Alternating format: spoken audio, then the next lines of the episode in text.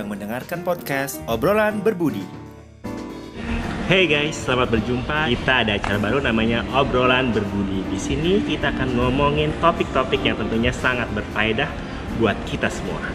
Dan untuk itu udah hadir bersama gue, seorang pegiat investasi saham, Maje. Iya, halo teman-teman. Oke, di sini kita mau Hmm. bahas nih tentang investasi saham. Iya. Kan mungkin banyak banget nih orang Indonesia yang masih belum ngerti tentang Hmm. apa itu saham dan Iya. bagaimana investasi saham. Sebelumnya kita pengen tahu deh, apa sih itu saham? Iya, saham itu sebenarnya simpelnya gini, saham itu eh, adalah eh, tanda bukti kepemilikan bahwa kita itu memiliki eh, sebagian dari suatu perusahaan. Simpelnya gini, kalau zaman dulu itu kita bentuknya kertas, tapi sekarang kita bentuknya digital, jadi nggak perlu lagi pakai kertas-kertas. Nah, jadi kalau misalnya kita beli saham itu, sebenarnya kita beli bisnis dari suatu perusahaan. Nah, berapa persentase atau porsi eh, kepemilikan yang bisa kita miliki itu tergantung dari jumlah lot yang uh, kita beli gitu. Jadi lot ini merupakan satuan saham. Kalau kita mau beli uh, beli saham nanti satuannya itu dalam bentuk uh, satu lot. Jadi satu lot itu sebanyak 100 lembar yang bisa kita beli minimal satu lot. Berarti kalau kita punya saham sebuah perusahaan, berarti kita ikut memiliki perusahaan tersebut. Bener, walaupun cuma satu lot, teman-teman beli saham satu lot aja teman-teman itu sudah menjadi pemilik perusahaan tersebut. Wah, keren berarti Oh, ya. keren, keren Beli saham itu. Yes. Terus bisa jelasin nih, bagaimana sih cara investasi saham itu? Iya, cara investasi saham itu sebenarnya gampang banget dan simpel. Yang pertama, teman-teman sebelum mulai nih ya, teman-teman harus uh, pelajari dulu apa itu uh, investasi saham di pasar modal. Nah, teman-teman mesti pelajarin saham itu apa, terus uh, tujuannya teman-teman juga harus punya tujuan uh, investasinya untuk apa seperti itu. Nah, setelah sudah tahu, teman-teman baru mulai take action. Nah, langkah pertamanya adalah teman-teman daftar uh, rekening saham, bikin rekening saham. Nah, gimana caranya bikin rekening saham? Teman-teman bisa daftar di uh, sekuritas. Hmm. Nah, di sekuritas ini sebenarnya banyak uh, di Indonesia itu ada ratusan. Nah, teman-teman bisa pilih uh, sekuritas mana yang mau teman-teman daftarin seperti itu. Nah, uh, gimana sih cara milih sekuritas? Nah, yang pertama pastikan sekuritas itu terdaftar di bawah OJK.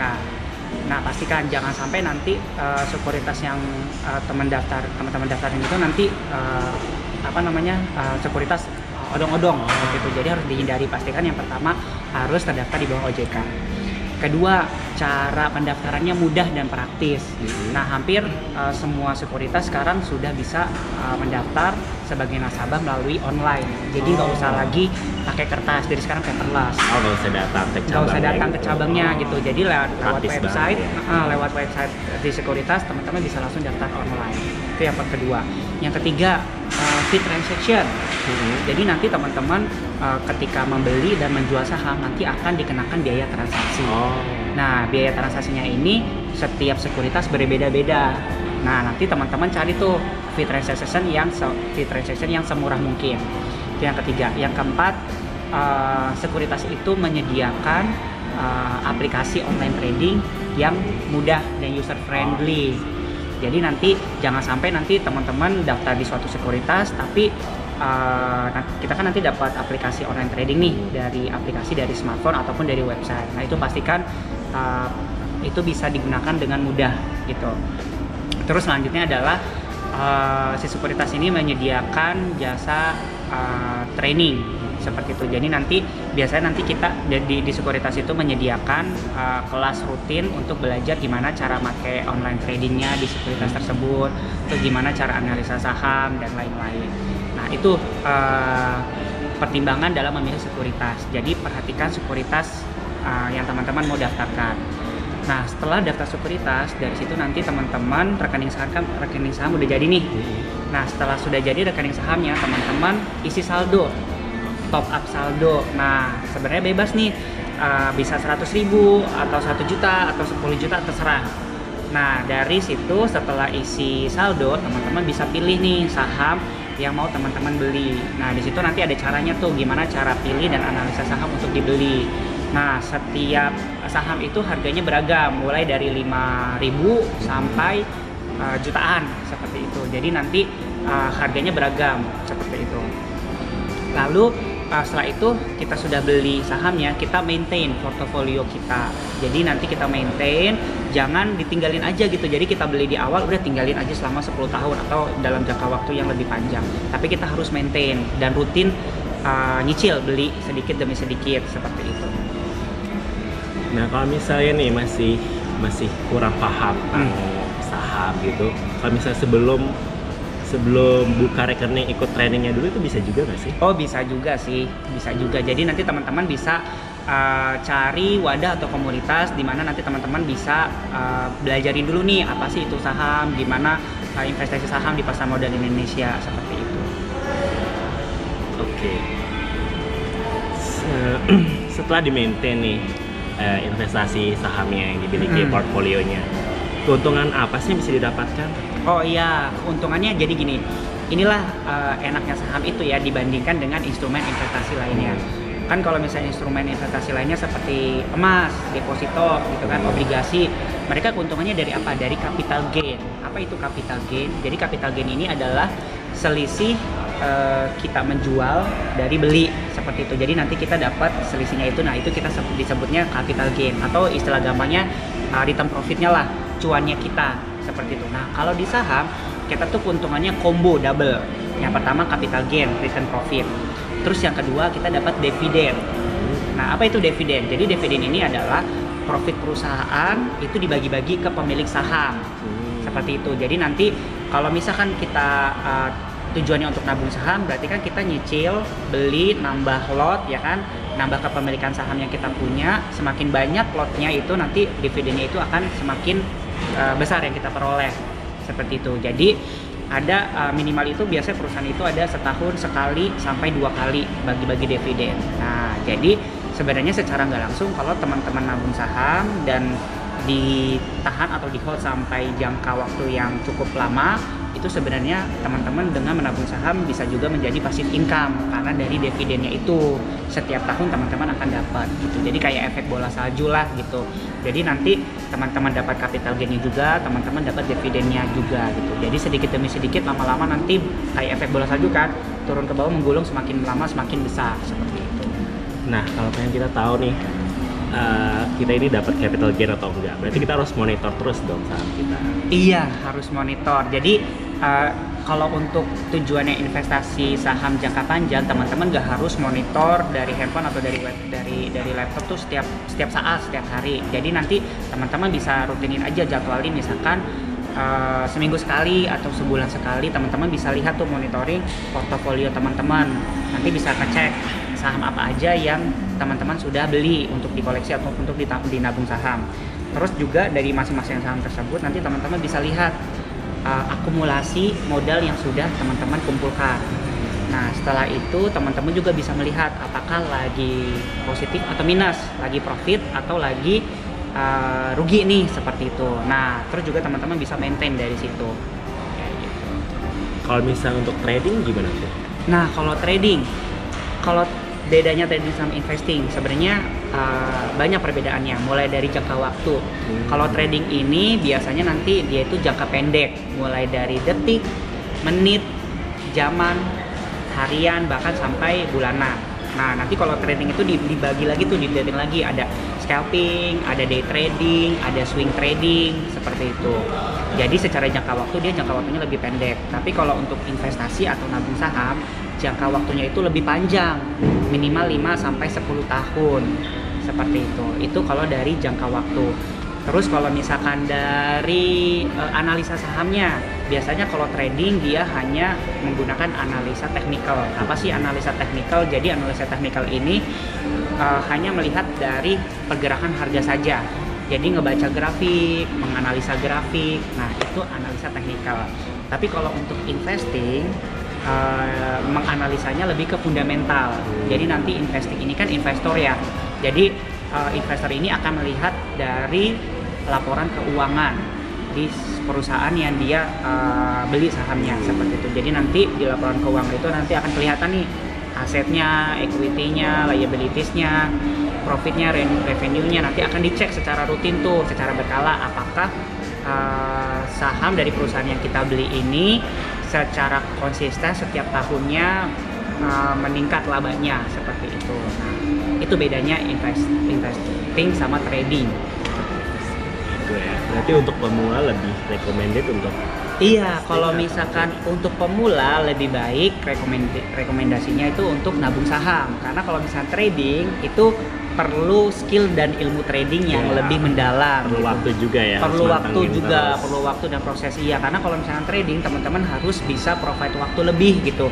Teman-teman rela nggak waktu kerjanya kepake untuk mantengin uh, monitoring uh, ini dari dari handphone kita se- setiap saat seperti itu. Tapi kalau misalkan investing, ini kita nyantai gitu. Jadi nggak harus setiap saat. Setiap saat kita monitoring Iya. portofolio kita seperti itu.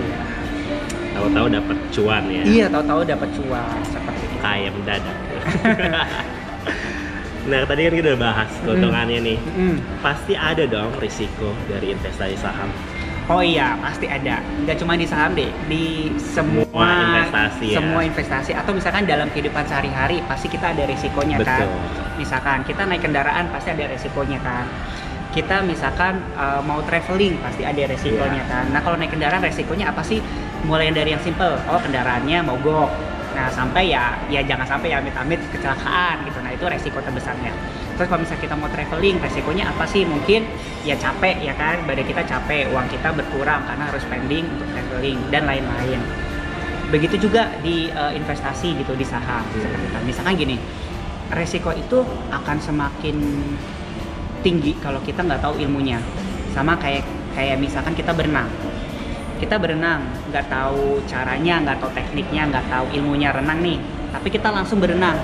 Resikonya apa? Tenggelam kan?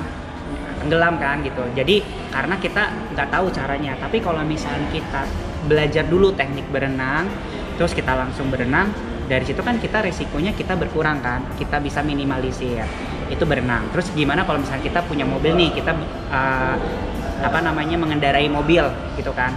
Kalau kita nggak tahu cara menyetir mobil, resikonya lebih besar dong ketimbang kita tahu cara uh, menyetir mobil. Nah, di situ juga sama kayak saham. Kalau kita nggak tahu ilmunya sama sekali, teman-teman langsung terjun ke saham, langsung main beli, ternyata minusnya tinggi, minusnya makin turun. Nah, itu dia resikonya. Jadi kalau misalnya teman-teman sudah tahu ilmunya, cara cara gimana cara analisa dan beli saham, gimana cara maintain por- portofolio teman-teman. Nah, di situ nanti bisa uh, apa namanya kita bisa minimalisir lah, kita batasi kerugian. Nah itu gimana tuh caranya? Mengelola risiko di investasi saham. Iya, cara mengelola resiko sebenarnya eh, sebenarnya ad- sebenarnya ada sih caranya gitu. Mulai kita dari analisa dulu. Kita harus pelajari analisa teknikal dan analisa fundamental. Dari situ kita juga masih tahu nih eh, profil resiko kita. Maksudnya kayak lebih ke eh, money management kita seperti itu kan. Tiap orang kan mungkin eh, dengan profil finansial tiap orang kan berbeda kan. Mulai dari gajinya, terus mulai dari kayak semacam spending eh, rutin bulanan mereka kan berbeda-beda. Nah dari situ teman-teman juga harus tahu kenali profil eh, profil eh, finance teman-teman. Nah dari situ nanti ketahuan nih profil resikonya seperti apa seperti itu. Tapi kalau misalkan mau lebih detail lagi sih sebenarnya teman-teman eh, bisa pelajari lebih dalam sih untuk menganalisa saham sehingga eh, resikonya itu bisa dibatasi gitu, bisa diminimalisir. Berarti harus lihat dulu dong kondisi perusahaan yang menerbitkan saham tersebut. Iya benar benar karena uh, teman-teman gini sebenarnya simpelnya kalau misalkan mau yang amannya gampangnya gini uh, saya pengen beli saham nih tapi mau sahamnya banyak. Jadi di pasar modal Indonesia ini kita sudah sudah sekitar 650 saham. 650 perusahaan yang terdaftar di pasar modal Indonesia. Nah teman-teman pasti bingung dan nggak mungkin satu satu persatu menganalisa kan? Nah simpelnya gini teman-teman lihat aja uh, produk yang dipakai oleh teman-teman di kehidupan sehari-hari. Seperti itu mulai dari makanan eh, apa namanya eh, skincare gitu kan sabun dan lain-lain. Eh, apa namanya operator seluler dan lain-lain. Nah dari situ teman-teman bisa bisa ketahuan eh, bank ya kan? Bank yang sering teman-teman pakai apa. Nah di situ simpelnya ya udah itu aja yang teman-teman beli seperti itu.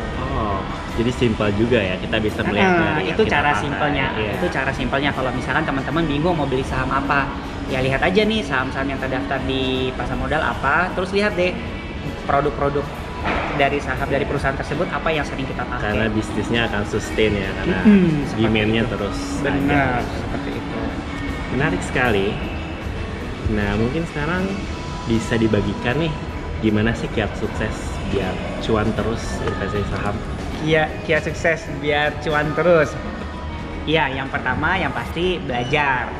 Belajar secara berkelanjutan. Jadi jangan stop sampai di situ aja gitu. Walaupun teman-teman sudah tahu nih ilmu, udah paham oh saham itu seperti apa. Terus sudah tahu eh, analisanya nih analisa saham secara teknikal maupun fundamental. Tapi teman-teman jangan stop sampai di situ, harus Hmm. terus eh, belajar terus menerus seperti itu. Terus juga teman-teman harus tahu nih kondisi perekonomian eh, lokal maupun global. Nah, teman-teman di situ bisa bisa bisa cari tahu dari berita-berita gitu kan. Misalkan kayak eh, kebijakan-kebijakan eh, ekonomi gitu kan, misalkan dari eh, presiden Amerika gitu kan atau kebijakan-kebijakan ekonomi di tingkat nasional. Nah, teman-teman juga mesti tahu seperti itu, mesti aware dengan news-news seperti itu. Gitu. Nah, dari situ nanti teman-teman kan bisa bisa bisa tahu oh kapan saatnya teman-teman beli saham, kapan saatnya teman-teman jual saham seperti itu. Menarik banget. Oke, thank you aja atas waktunya. Iya, sama-sama. Terima kasih sudah mendengarkan podcast Obrolan Berbudi.